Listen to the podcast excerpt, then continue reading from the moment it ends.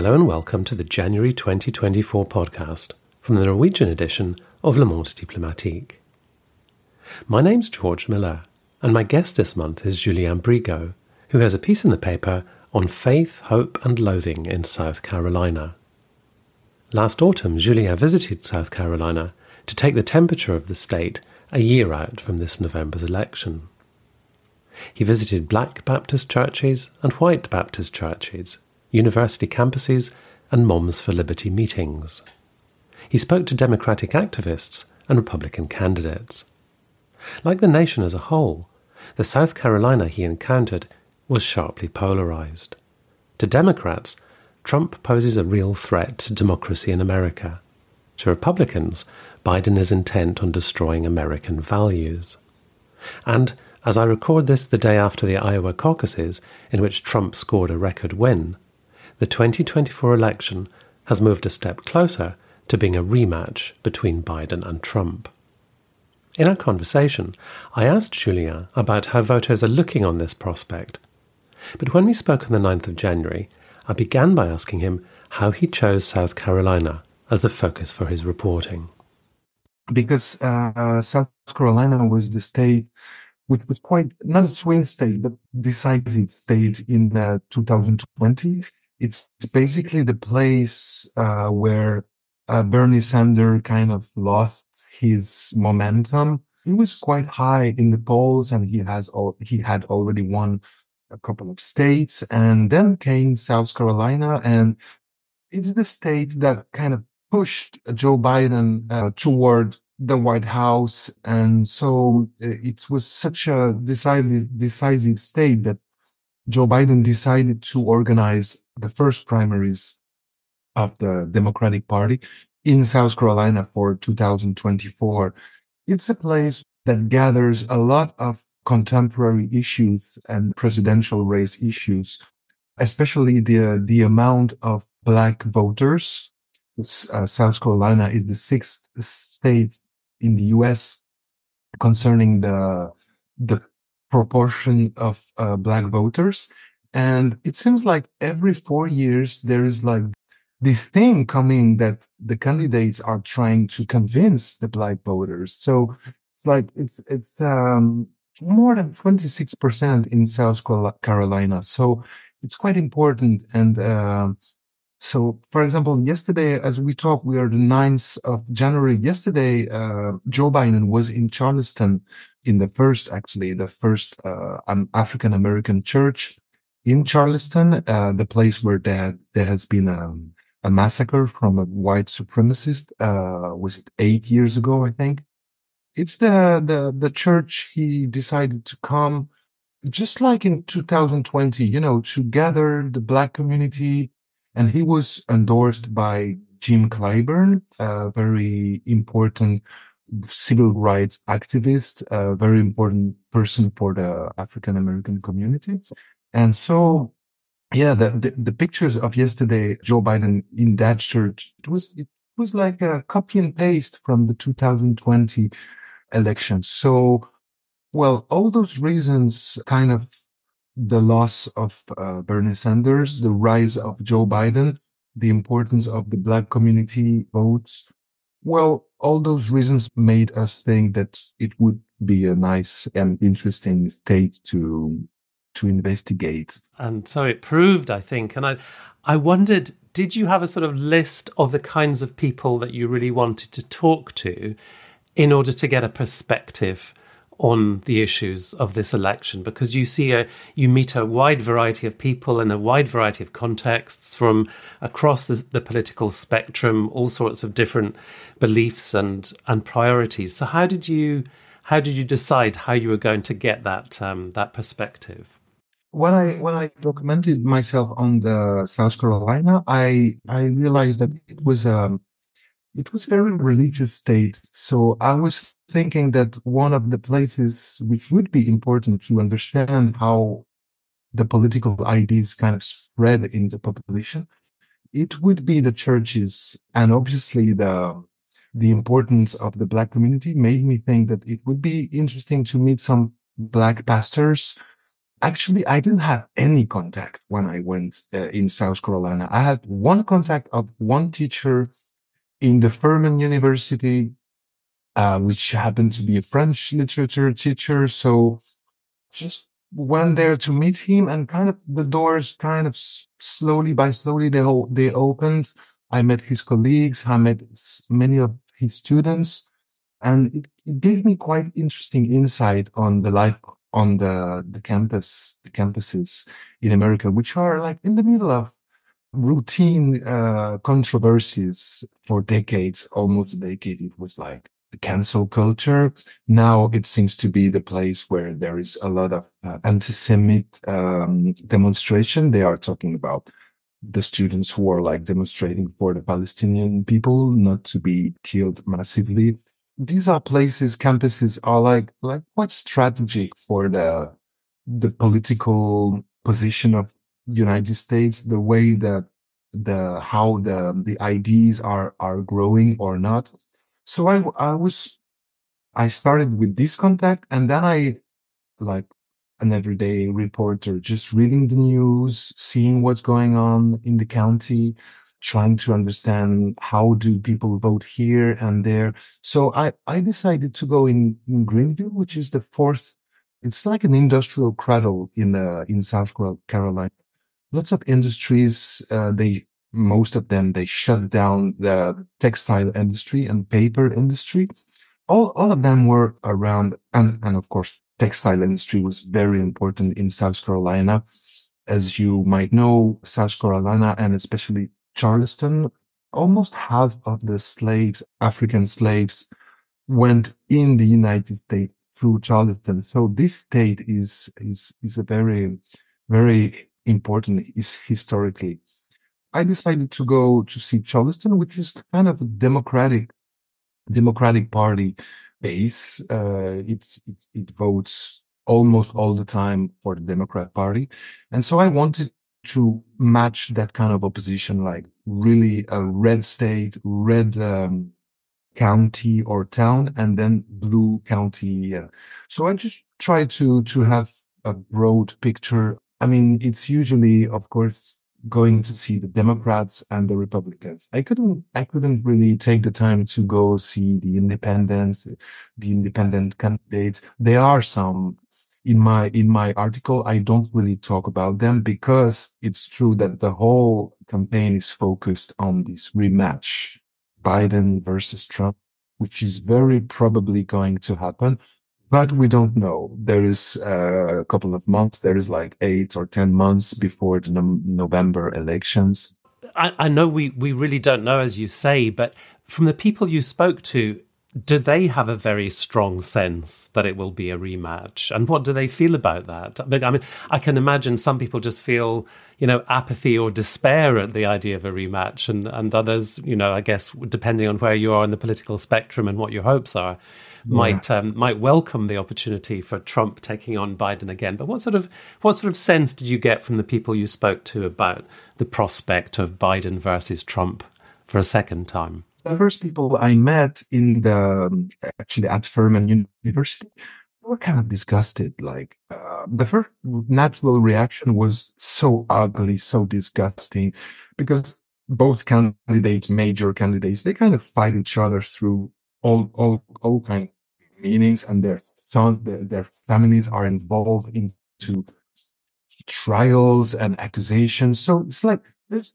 it's it's basically a big uh, a big mess that people are just witnessing like between Trump which is basically facing 91 charges uh, four penalty uh, penalty trials and as we spoke, Connecticut, uh, with Colorado, Colorado and Maine just decided to take off of the Republican primaries, which he is going to appeal at the Supreme Court. So, but since we know that the Supreme Court has been changed, it's like there is six Republican, strong Republican judges and three um, more Democrat uh, judges they have the majority at the Supreme Court. So we can expect that uh, Donald Trump will be backed by the, the Supreme Court and will be able to to compete and to be the, the nominee, the candidate for the GOP, but we don't really know at the moment. And, and people were like, of course, when you go to see, when I went to see the Democrat militants or people involved in the Democrat party, their first reaction was, hmm, uh, we will have to do with Joe Biden because there is nobody else at the moment. And most of them were talking to me about his age because this is something that is often talked about on the main media, how old he is. And he's 83 years old and, uh, Donald Trump will be 78, I think, in November. Yeah, 78. So uh, we don't hear such things about Trump. We, we I, I heard mostly from the Republican, from the Democrat uh, people. Of course, uh, most of them were talking about the 6th of January, the insurrection over the, the Capitol, and how dangerous Trump is for them.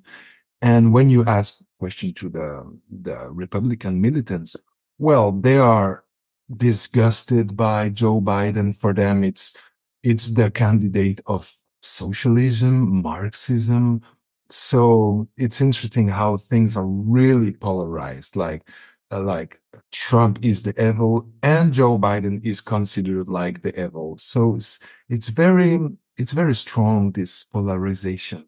People say basically when they are Democrat or when they are Republican, they say, we don't have anything to discuss about anymore this what uh, shocked me. The walls are very high you now between the right and the left, between the Democrats and the and the Republicans, especially on the campus. Like people just we don't have anything to say to a Trump supporter, and on the other side, we don't have anything to do with this corrupt Joe Biden. So yeah, it's very very polarized as you say, it's seen in terms of good and evil, isn't it? It's really seen in those existential terms rather than a political disagreement and the possibility of discussion and progress through discussion. It's actually all conceived in, in these Manichaean terms of, of good and evil. It's not the case, though, that every Republican you met was a was an ardent Trump supporter. I mean, some of them are are very reluctant to support Trump, but they see Trump as as the, likely um, nominee. And I wondered, what can you say about the challengers? There are several Republican challengers, but none of them seems to be cutting through in a really significant way. So you've got on one hand you've got Republicans who don't like Trump, who'd like to see the back of Trump, but none of these other challengers has been able to make a really significant impact. So I wondered how you saw that. Ah, it was it was surprising because when we talk about, uh, for example, Nikki Haley, uh, she used to be governor of the South of South Carolina. She doesn't seem to have any support in South Carolina, which seems to be really a Trump state.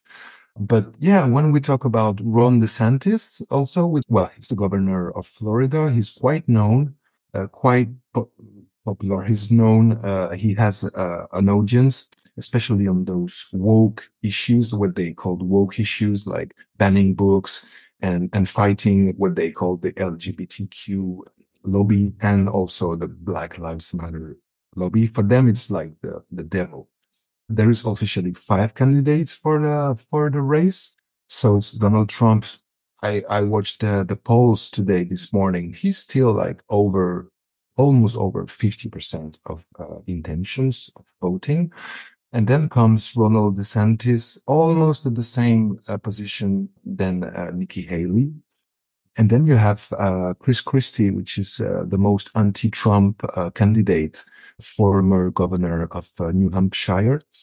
And and then the last one is Vivek Ramaswamy. He's an entrepreneur. He's a he's an, an entrepreneur which, who's um, who's um, ideology is also quite focused on those uh, woke issues. Like he wrote many books about these issues.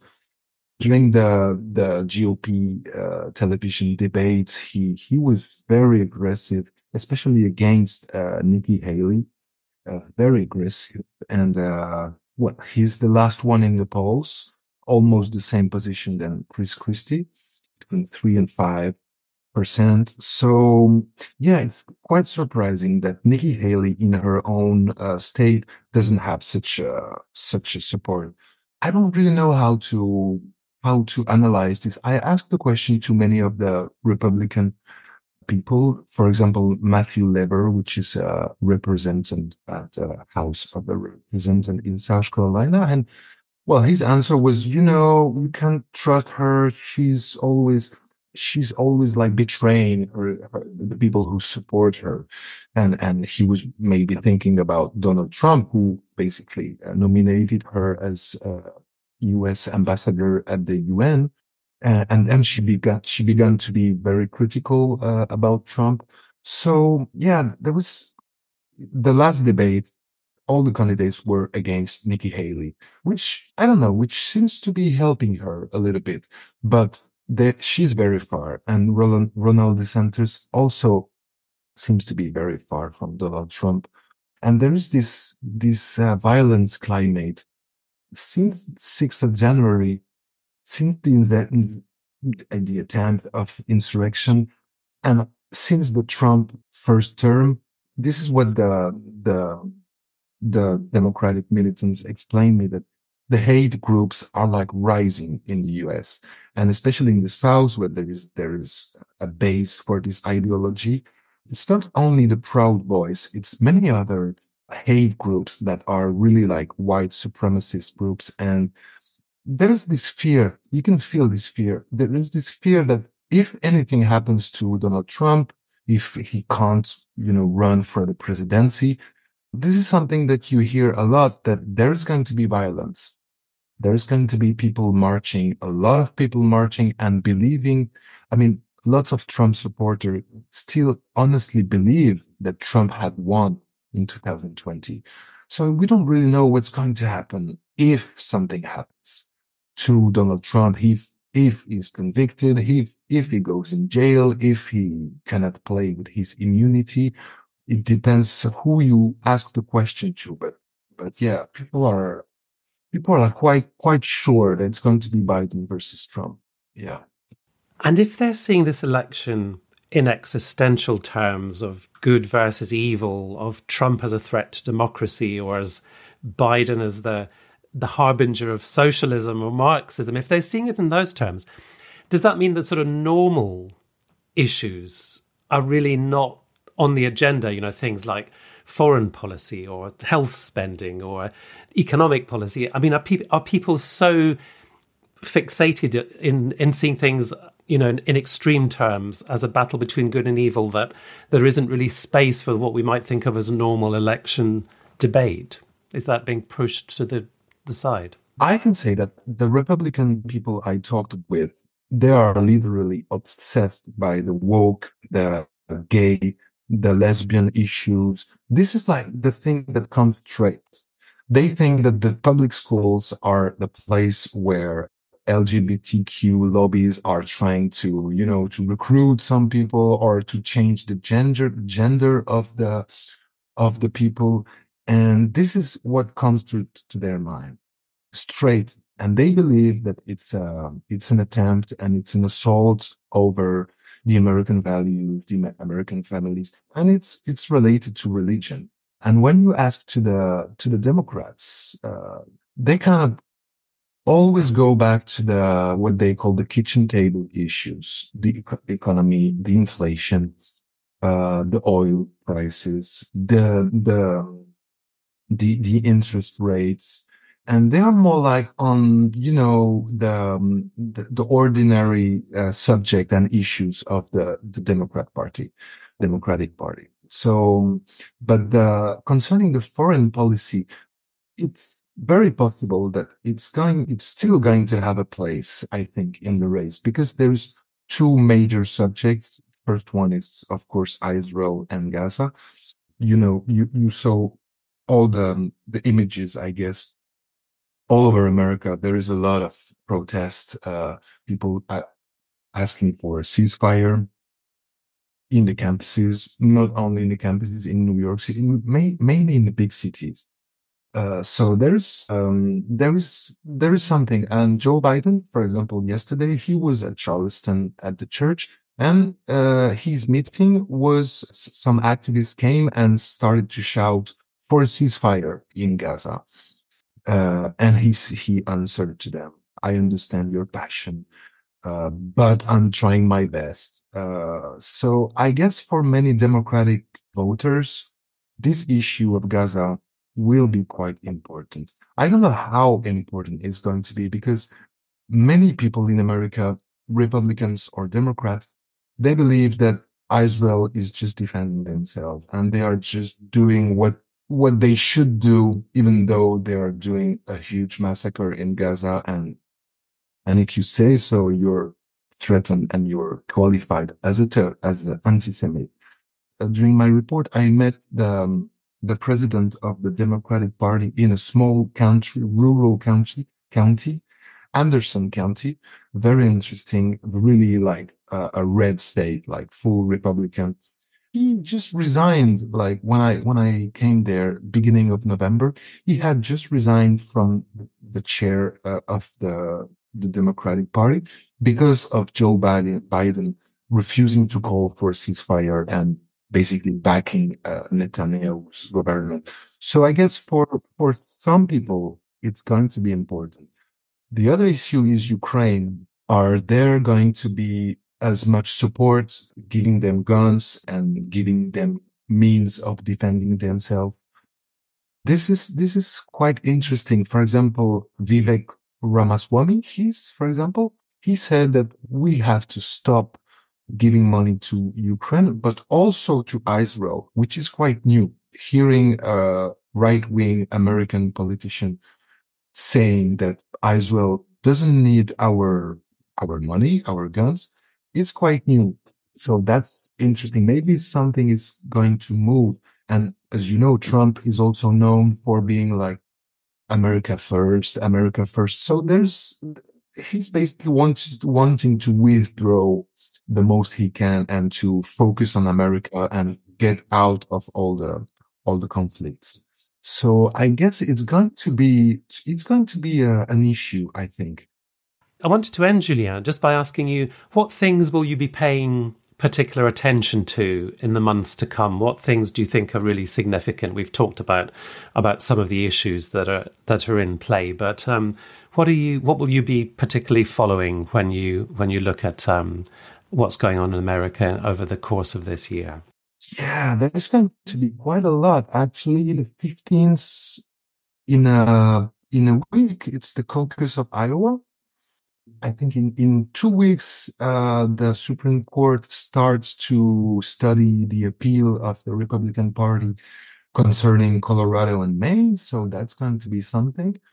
And then the, um, I think the, um, uh, the first primaries will be in New Hampshire because uh, even though Joe Biden asked for South Carolina to be the first one, New Hampshire re- responded that they, they have been organizing the primaries, the first primaries since 123 years. So they were not ready to, to let South Carolina have all the light.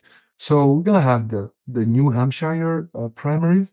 And then beginning of February, the South Carolina and then the beginning of March, the 5th of March is the Super Tuesday. So we're going to be, we're going to have all, everything is going to be a little bit more clear, I guess. But there is still this, uh, I would say the health issue concerning Joe Biden. We don't know if he's going to be healthy till November. So, and there's going to be actually primaries for the Democratic Party, but we don't really know the the opponent, is Dean Phillips, a rep from Minnesota, and Marianne Marianne Williamson.